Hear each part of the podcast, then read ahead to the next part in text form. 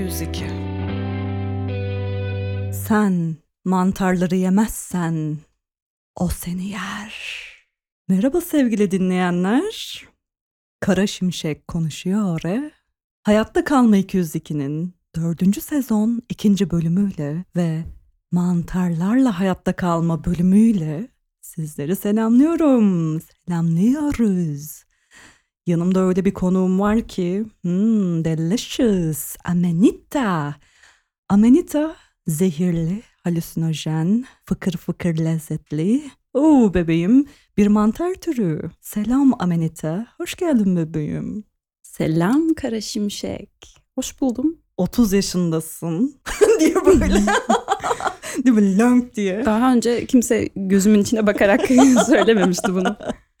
Ah ya hani hem oyuncusun konservatuar hani okudun bitirdin Hı. tiyatro bölümü tiyatro Aa, hem neydi acil tıp teknisyenliği okudun öncesinde. Evet evet. Ya Bir- senin enteresan bir sürecin var ve 5 yıldır da yoğun bir şekilde mantarlar hani mantarların gizemli dünyasına daldın keşifler. daldım. Mantarlar beni gizemli dünyalarına daldırdı, batırdı, çekti, Vaftiz sürükledi. etti. Vaftiz etti. batırıp batırıp çıkarıyorlar beni dünyalarına. Öyle oldu. Her alanda bir parmağım oldu sanki bu sıralar. Ne bebeğim? Şimdi senin ilginç ve ilgi çekici hani serüvenine geleceğiz. Balıklama dalacağız. Dalalım. Ah bebeğim sadece Türkiye'de bilinen 2500 dünyada da hani tanımlanmış 22 bin mantar türü olduğu söyleniyor ki aslında rakam bunlardan fazla diyorsun. Evet evet yani türleri tanımlamak zor iş. Ee, birbirine benzeyen bir sürü şey var. Her türün alt türü var. Ee, yani işte amanita biliyorsun benim adım. Amanita'nın bile yani 50-60 tane türü var. Biri zehirli, biri çok lezzetli, biri halüsinojen filan falan. Hani o türler her geçen gün ekleniyor yani. Düşünsene Türkiye'de bile keşfedilmemiş kim bilir kaç tür vardır. Gezmediğimiz dağlar, ormanlar her yerde karşımıza çıkacak tuhaf şekilli, renkli, yamuk yumuk mantarlar var. Oh ya iyi ki de varlar. Senin mantar serüvenin 10 yıl önce otostopla gezerken başladı. Anlatsana hani mantar yolculuğunu bize. Ee, güzel bir yolculuktu. Ben çok yolculuk yapıyorum, geziyorum, dolanıyorum, oradan oraya gidiyorum. Bir de plansız yapıyorum bunu. Böyle plansız gezdiğim zamanlardan birinde bir yolculuk platformuna işte ben şu şu şehre geliyorum. Var mı orada biri diye bir mesaj bırakmıştım. Oradan biri bana erişti, ulaştı. Erişti. bana erişti. Ben Oh, öyle erişilemez bir insandım ki o zamanlar biri bir şekilde erişti. Hmm. Neyse e, bana dedi ki ben de oradayım. Hani beraber gezebiliriz istersen bir iki gün. Ben dedim ki tamam. Sanki hani Tamam. bu, bu talebi ben yapmamışçasına tamam. Sonra e, o arkadaşla buluştuk. Chris. Buradan kulakları çınlasın Chris'in. Ve ona şey demiştin değil mi? Neşeli, enerjik, gıcık olduğum o çocuk. Neşeli, enerjik, mutluluğundan ötürü nefret ettiğim, içten içe gıcık olduğum, gıcık olduğumu çaktırmamaya çalıştığım bir arkadaşımdı kendisi o zamanlar. Çünkü ben o zamanlar biraz gıcık olduğum için gıcık oluyordum. Hmm. E, sonra Chris'le biraz gezdik. Yani gıcık olmama rağmen Chris'le böyle vakit geçirdim. Müzelere gidiyoruz, tiyatrolara gidiyoruz filan. Chris bana mantarlardan bahsetti. E, ben de hiçbir şey anlamadım. Yani mantarlara olan bu tutkusunu anlamadım. Bir de ben İç Anadolu'luyum güzelim. Mantar ne yani? Hani bizde bir yeşillik yok. Bir mantar görmemişim yani. Mantar yememişim bile hatta böyle ev yemeği. Wow. Mantar kültürü hiç yok. Oralara gireceğiz. Neden Türkiye'de mantar kültürü yok filan kısmını konuşacağız.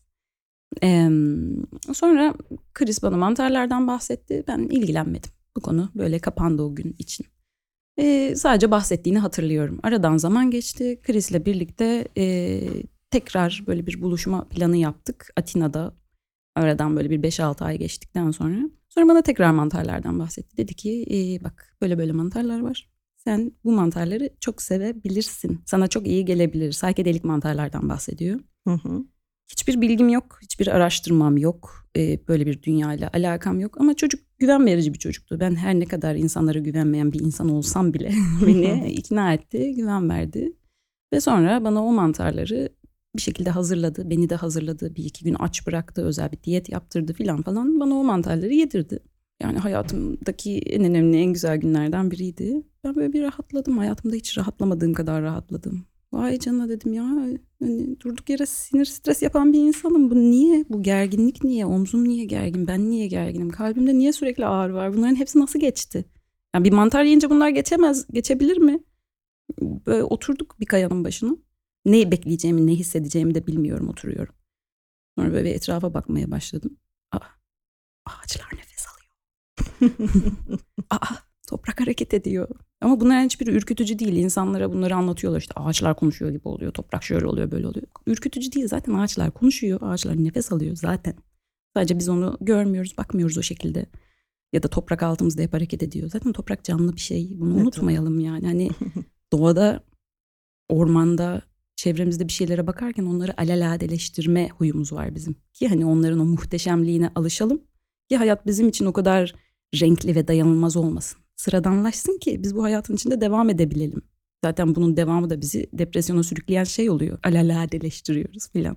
Ne neyse o gün öyle bir gün geçirdi bana Chris ve ben böyle 3 saat Chris'e bir yerde Münir Nurettin Selçuk dinlettiğimi hatırlıyorum. 3 saat ağladım, ağladım, mutluluktan ağladım, rahatlamaktan ağladım. Yani bunun mümkün ol, böyle bir rahatlamanın mümkün olduğunu bilmiyordum ve bunu erken bir şekilde keşfettiğim için rahatladım, ağladım.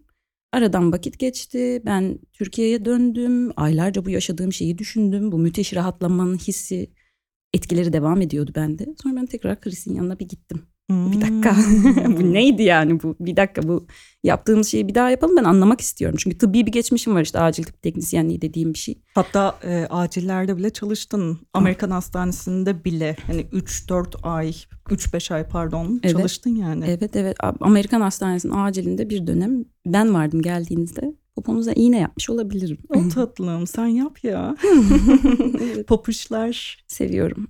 Bir gün umarım hasta olursanız önce Hmm. bana gelin Kara Şimşekciğim. Ah Aminatacığım. Ee, öyle sonra işte o tıbbi bilgiler filan da bana e, diyor ki ara araştır. Yani burada bir şey var. Burada bir şifa var. Burada bir gerçek var. Nedir bu? Bunu araştır. Ben tekrar gittim Yunanistan'a. E, Chris'le buluştuk. O bana zaten kendisi bir işte nerd dedikleri araştırma, okuma delisi bir çocuk yani.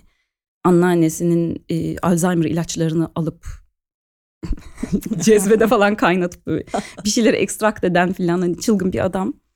E, gittim yanına tekrar. E, aynı ritüeli tekrarladık. Çünkü ben bu sefer ne olduğunu bilerek denemek istedim. Ve denediğimde anladım ki bu gerçekten hani bir şekilde bir şifaya ulaştırıyor insanı, rahatlatıyor, depresyondan uzaklaştırıyor, kaygılarını azaltıyor. E, ve bu gerçekten çok faydalı bir şey olabilir.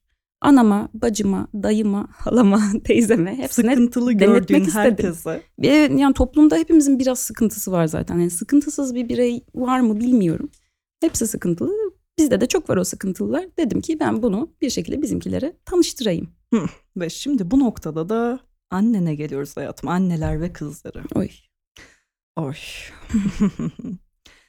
ne yazık ki annen şiddet uygulayan bir kadındı. İlişkiniz nasıldı? Hani ona mantar yedirme fikrin, niyetin nasıl çıktı ortaya?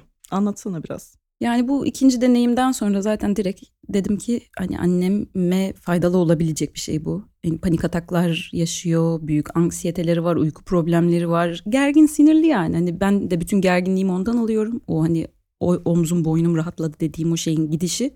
Annemin benden gidişiydi aslında biraz. Annemden salındım yani. Hani özgürleştim falan. O da özgürleşsin ve kendini bir rahat bıraksın istedim.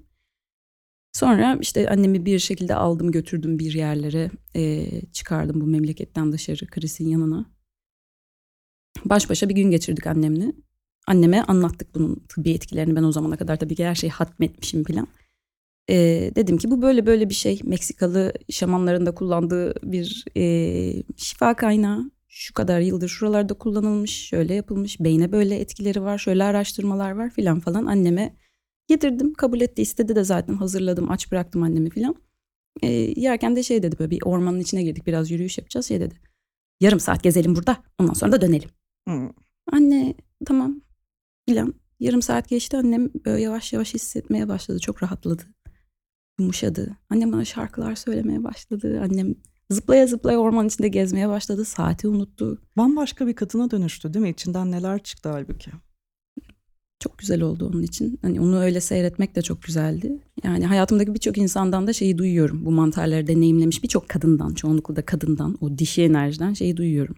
Annem, annemin de denemesi lazım evet. Çünkü annenle bağlanıyorsun direkt. Yani zaten annenle hep bağlısın ve direkt diyorsun ki annemle bunu yapmak çok kıymetli olur. Birlikte bu rahatlamayı hissetmek. Değil mi? O göbek bağı aslında hiç kesilmiyor özellikle anneler ve kızları arasında. Hı-hı. Ah ah Ah, ah kardeşim. Şekçim sen de biliyorsun. Çok iyi bilirim hayatım. Ah anneler ve kızları diyorum. Ah bebeğim. Değil mi? Uzun bir sessizlik molası. Biz böyle kalkıp gidiyormuşuz. Anneler ve kızlarını da bırakıp mantarlar bölümüne. Saat şöyle bir senle bakışırken şöyle bir işledi bir gitti ama Değil arada mi? bu küçük eslere ihtiyacı oluyor insanın hafif bir göğsünü açıp da nefes almaya Değil mi? O ihtiyacı duygu oluyor. yoğunluğu aksın gitsin. Bebeğim tıbbi mantarları araştırmaya başladın. Ve aslan yedesine özellikle hani spot ışığını bırakmak istiyorum şu anda. Bahsetsene. Aslan yelesi ilginç bir mantar. Lion's mane e, diye geçiyor e, İngilizcesi. İşte Herines hercules gibi bir adı vardı Latincesi. E, nöron growth factor denilen bir şey var bu mantarın içinde. E, nöronların gelişmesini sağlayan bir kısma beyinde e, bir stimülasyon uyguluyor. Ve hani nöron gelişmesini sağlıyor aslında diyebiliriz. E, ve hani bunu yapan çok fazla bir şey yok. Hı hı. Alzheimer ve demansı azalttığı bilinen bir Evet. mantar. Ve koruyucu etkileri var Alzheimer ve demans içinde bu arada. Çünkü önemli olan şey yani unutmamamız gereken şey şifa falan denilen şeye bakmamız gereken alan şu. Ya hastalanmadan çözüyor olmamız lazım bunları. Aynen Hastalandıktan öyle. sonra çözmesi çok zor. Hastalanmadan çözüyor olmamız lazım. Ee, o yüzden de aslan yelesi denilen arkadaşımız çok da lezzetli bir mantar kendisi. Görünüşü de çok büyüleyici ya. Adı gibi aslan yelesi. Albino bir aslan düşünün ama beyaz bir e, Hmm. aslan. E, yelesi var. Dilimliyorsun onu böyle hellim peyniri gibi. Ondan sonra tavaya Hmm. koyuyorsun. Çıs, çıs. Oh, Muhteşem bir tadı var gerçekten. E, bunun ekstrakları var, toz halleri var, bir takım işte tabletler falan şeklinde kullanabiliyorsun bunu. Böyle bir mantar. Ve sana sormuştum ya hayatım. Favori 5 mantarın nedir? Hı hı. Sen de sırasıyla şöyle dedin ve çok düşündün çünkü her biri senin bebeğin. Hı bir aslan yelesi şu anda da bahsettiğimiz neden o dedim en lezzetlisi o dedin. İki Sezar mantarı imparator mantarı olarak da biliniyor. Üç porcini İtalya'ya ithal etmemiz çok enteresan. Muhteşem bir şey o Bunu ya. bilmiyordum. Dört psikodelik mantar.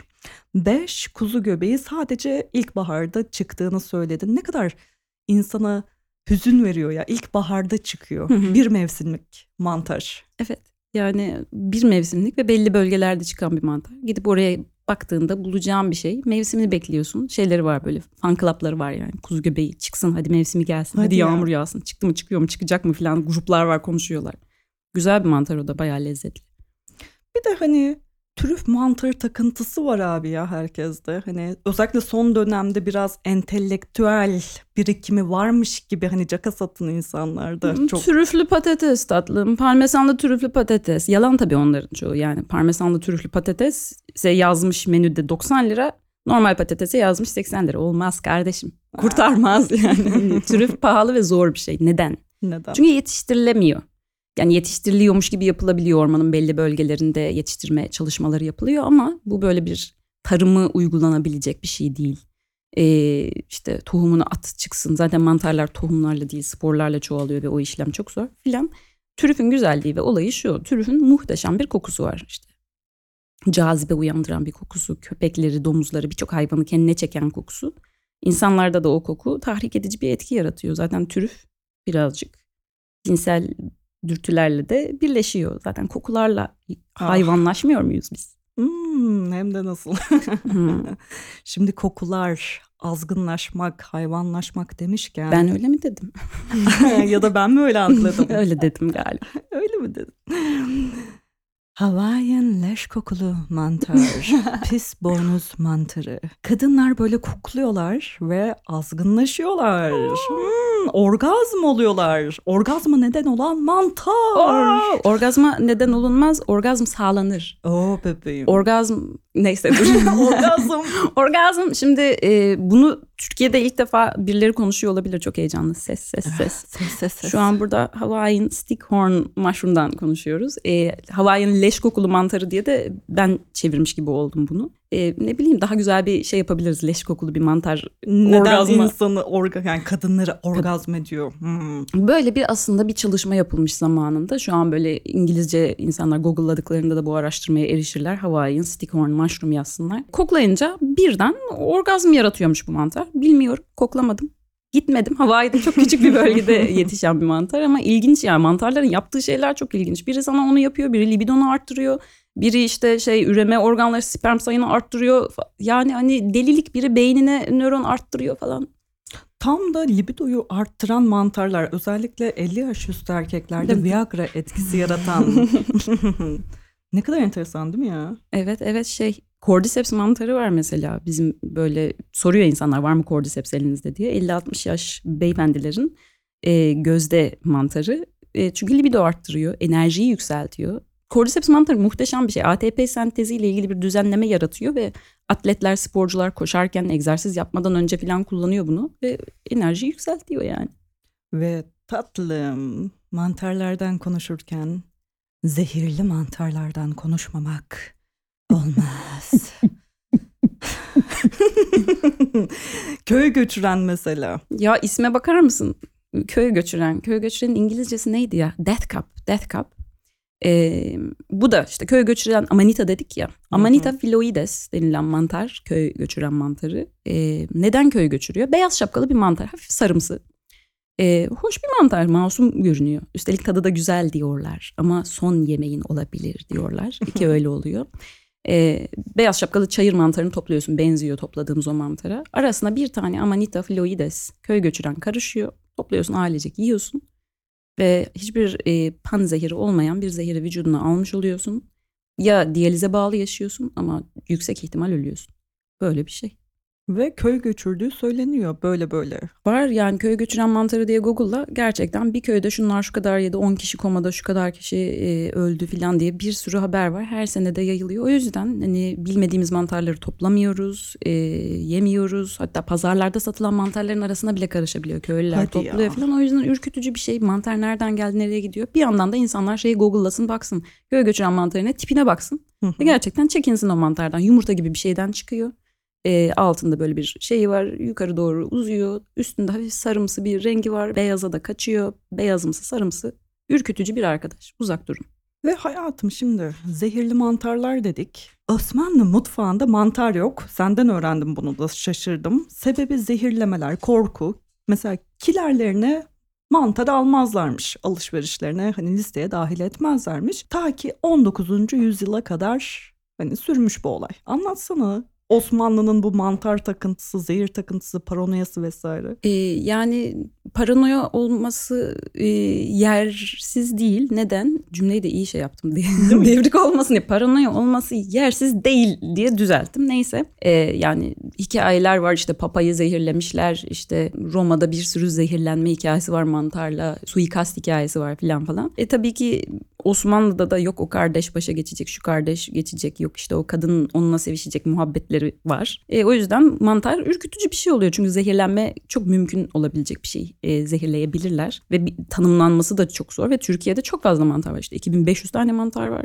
E, o beyaz şapkalı pat diye yemeğine karışırsa düşünsene bir tane Eyvah, sultan eyvah. ölmüş olabilirdi. O yüzden direkt baştan temkinli davran. Hiç yemesek de olur bunu diye kilerlerine hiçbir şekilde sokmuyorlar. E bu da bizi etkiliyor işte. Yani Türkiye'de neden mantar konuşulmuyor? Neden bizim gastronomimizde mantarlı yiyecek yok? Neden işte trüf deyince bir- birçok şeyin ismi İngilizceden falan gelmiş geçmiş bize falan? Çünkü Osmanlı'da yok. O yüzden Cumhuriyet dönemi bize de yavaş yavaş anca geçmiş yeni yeni tanışıyoruz. Ah bebeğim. Bir de şöyle bir durum var. Her şeyin mantarlardan geldiği teorisi nedir bebeğim? Liken sporu. Şimdi o hikaye çok uzun bir hikaye ama onu böyle küçük bir şekilde toparlamaya çalışırsak şöyle diyebiliriz. Dünya bir toz bulutuydu. Big Bang teorisi filana falana gittiğimizde dünya güneşten kopan bir parça. Her neyse kendi başına e, o uçsuz bucaksız kozmosun içinde yapayalnız, yana yana dönerken, yavaş yavaş soğurken o büyük soğuma gerçekleşiyor ve dünya bir buz topçuğu olarak e, kainatta dönüyor. Bu buz topçuğunda hiç hayat yok çünkü büyük bir ısıdan sonra büyük bir soğuğa geçiyor ve hiçbir hayat belirtisi yok, hiçbir mikroorganizma bir şey yok. E, bilim adamları da diyor ki ya nasıl gelmiş olabilir e, dünyaya hayat? Nereden gelmiş olabilir? Çünkü içinde hayat yok. Hı hı. E, araştırıyorlar, bakıyorlar filan falan derken diyorlar ki bu bir meteor çarpması sonrası gelmiş olabilir mi? Bir meteorla bir mikroorganizma dünyaya taşınmış ve hayatı başlatan o ilk hücrecik oradan peyda olmuş olabilir mi? Ne olabilir filan? Bu teorilerden biri yani bu burada şeyi dünyanın varoluşunu açıklamıyorum bu bir teori. Ee, oraya ne gelmiş? Orada mikroorganizma ne olmuş olabilir? Virüslere, bakterilere bakıyorlar. Uzayda o koşullarda, o radyasyon alanında, o sıcakta, o soğukta ne hayatta kalabilir? Liken sporu hayatta kalabiliyormuş. Deniyorlar ve bakıyorlar. Liken e, suyla temas ettiğinde tekrar hayat bulan bir şey. O spor dünyadaki buzlu suyla temas edince hayat buluyor. Denizlerde hayat başlıyor yavaş yavaş likenler, algler, bir şeyler, mantarlar. Yavaş yavaş mantarlar karaya çıkıyor.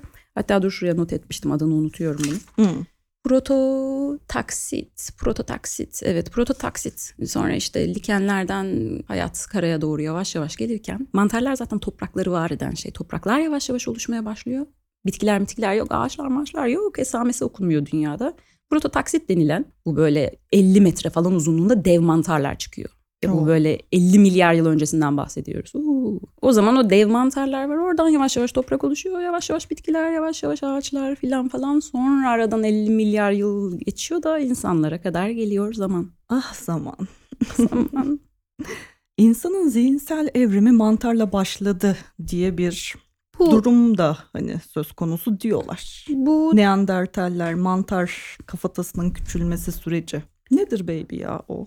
Ee, Neandertal'den sonra Homo erectus e, arkadaşımız var. Homo erectus e, diyorlar ki Homo erectus günlerden bir gün otururken bir ağacın altında görüyor bir saykedelik mantar Hmm. ve yemeye başlıyor bu mantarı.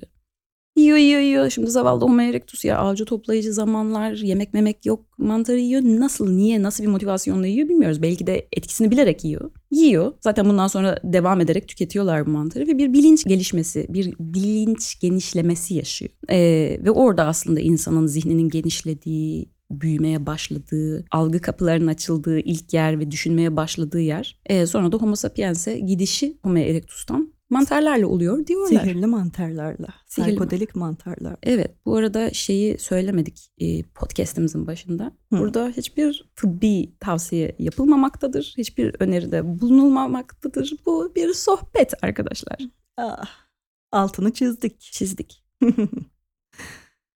Ya baby bu arada hani Amerika'da uzun bir tarihi var aslında baktığımızda. İşte bu Timotileriler, Hmm. hani özgür yetmişler kafası Evet. falan. Ya ona çok merak eden girsin baksın belgeseller de var. Hani derinlemesine girmeyeceğim süremiz kısıtlı olduğu için ama özellikle e, psikodelik mantarların ağır depresyon ve alkolizm Hı hı. Bağımlılık tedavisinde çok etkili olduğu hani bilimsel araştırmalarla yurt dışında kanıtlanmış Hı hı. bir durum. Bir ara 20 yıl yasaklanıyor Hı hı. legalken ve şu anda tekrar legal. Birçok bölgede legal yavaş yavaş daha fazla legal oluyor. E, Amerika'da bir örgüt desem olmaz bir topluluk diyelim. Hı hı. e, decriminalization topluluğu var. Yani decriminalization dediğimiz şey suçsuzlaştırma. Sen doğada çıkan bir çiçeği, doğada çıkan bir bitkiyi işte bir mantarı suçlu ilan edip e, yasaklayamazsın aslında. Tabii. Yani Allah'a şirk koşmaktır bu kara şimşek. Ah amenita. E, neyse işte o yüzden o insanlar bu tekrar legal olsun ve insanlar ulaşabilsin diye uğraşıyorlar.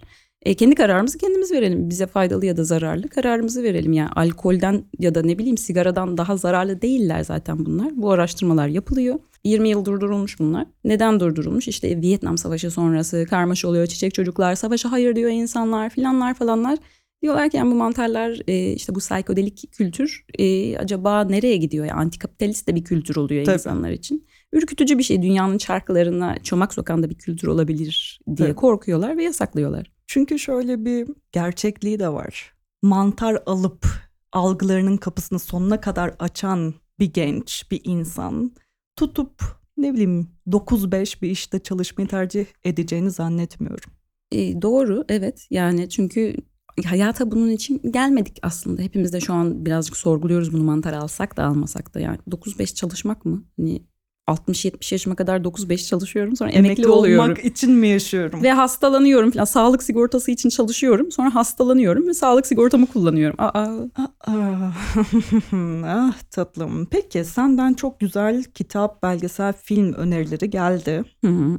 Sana e, söyleyeyim neler öneriyorum. Ya tabii ki şu şey Fantastic Four gibi izlensin yani. Hani Kesinlikle. Mantar 101 gibi bir şey o gerçekten. Mantarların. Gizemli Dünyası olarak Netflix'te Türkçe'ye Evet. çevrildi. Evet evet ona bir bakın yani. Sonra eğer bir şeyle ilgileniyorsanız onun içinde hani temel tıbbi mantarlardan da bahsediyor. Hangi mantarla ilgileniyorsanız biraz araştırıp onların üzerine okuyabilirsiniz. Şu an her şey araştırma aşamasında. Ya biz şu an bebeğiz yani. Tıp anlamında da bebeğiz. Teknoloji anlamında da bebeğiz. Antik çağlarda yaşıyoruz. Bunu unutmayalım. Hala antik çağdayız. Şu an bu gelişen devam eden bir şey. Bunu takip edip ilgilendikleri şeylere bakabilir insanlar. Sonra Saklı Dünya Entangled Life diye bir kitap Merlin Sheldrake'in.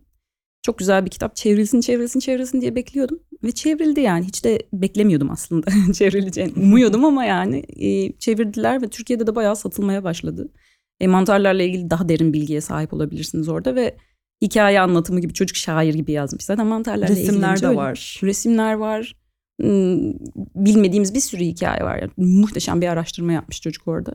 Çok keyifli okuması da çok güzel. Roman gibi akıyor yani. Onu okuyabilirler. Hmm. Huxley vardı. Ada, Cesur Yeni Dünya, Algı Kapıları. Algı kapıları. Algı kapıları zaten kült. Hani The Doors'un ismi de algı kapılarından Tabii. geliyor. Algı kapıları bir okunsun çünkü hani neredeyse klasik sayılacak bir şey. Ee, Huxley'nin diğer romanlarını falan da öneriyorum. Çünkü Huxley hoş bir adam. Çağının ötesinde bir insanmış şu an için. Hani Matrix bile Huxley'ye Hmm. bakıp böyle yapılmış bir şey aslında yani. Ruhu şad olsun. Şad olsun. Ve Mary Oliver, Mantar Şiirleri Hı. dedin. Mary Oliver çok hoş bir kadın. Türkçe'ye çevrilmedi. Buradan sesimi duyan var mı? Mary Oliver'ı çevirin, çevirin. Ee, muhteşem şiirler yazıyor işte. Orman içinde gezerken, mantarlara bakarken, ağaçlara bakarken böyle huşu içinde. Onları çok seviyorum, tavsiye ederim. Ah hayatım. Ve mantar toplama etkinlikleri de yapıyorsunuz. Hı hı, Burada yeri gelmişken Fungi Turkey'den bahsetmek isterim. Hani kısaca daha Evet. doğrusu senin bahsetmeni isterim. Evet ben de bahsetmek isterim. Çok tatlı işler bunlar. İşte sezon açılınca, yağmurlar yağmaya başlayınca e, çıkar Fungi Turkey'in e, insanları sokağa, e, ormanlara dökülürler ve mantar ararlar. E, etkinlikler şöyle.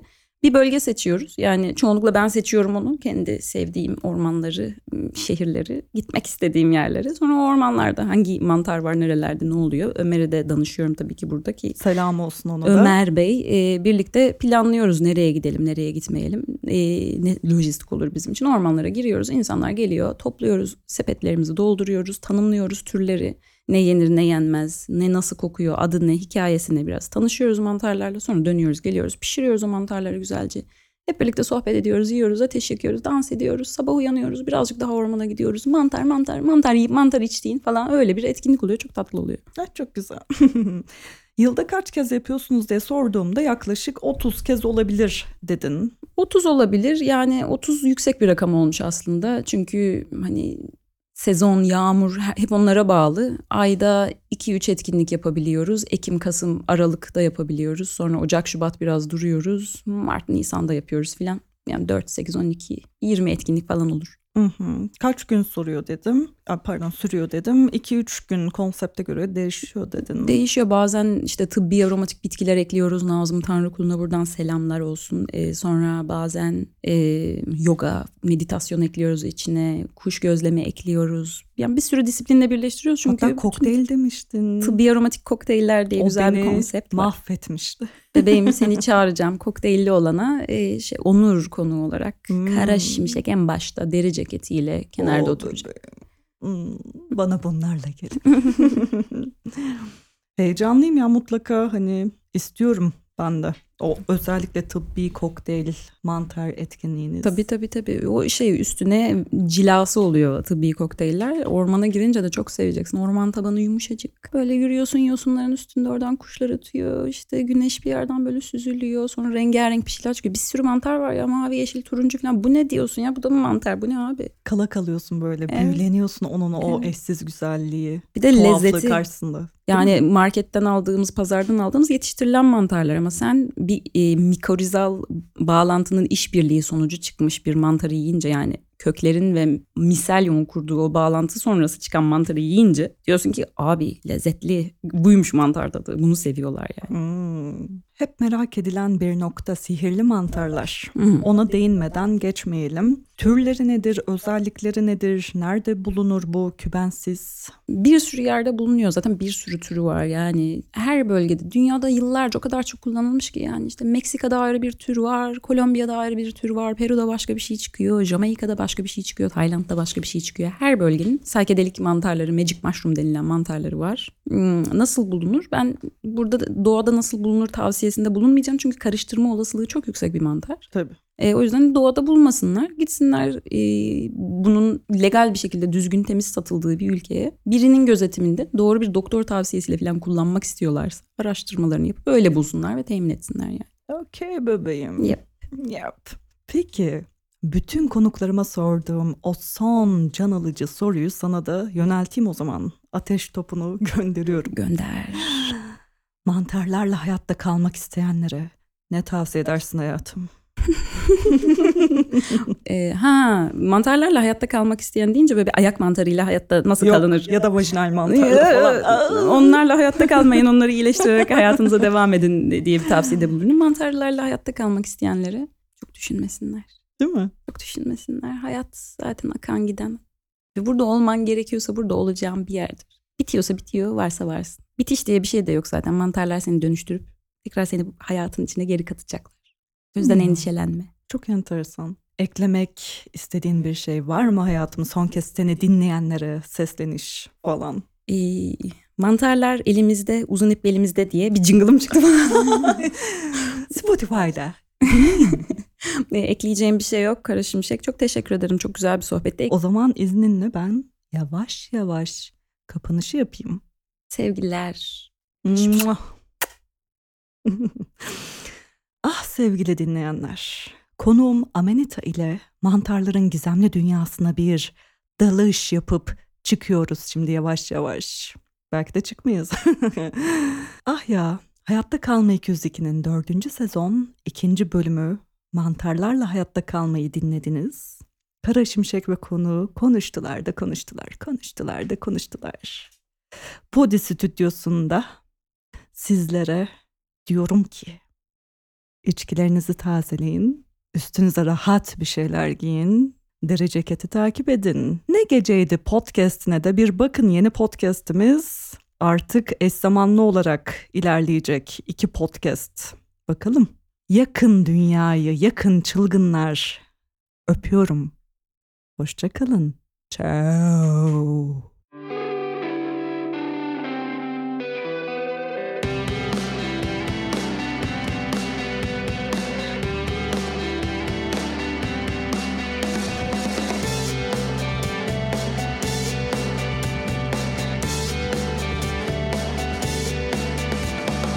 Hayatta kalma 202. Ooh.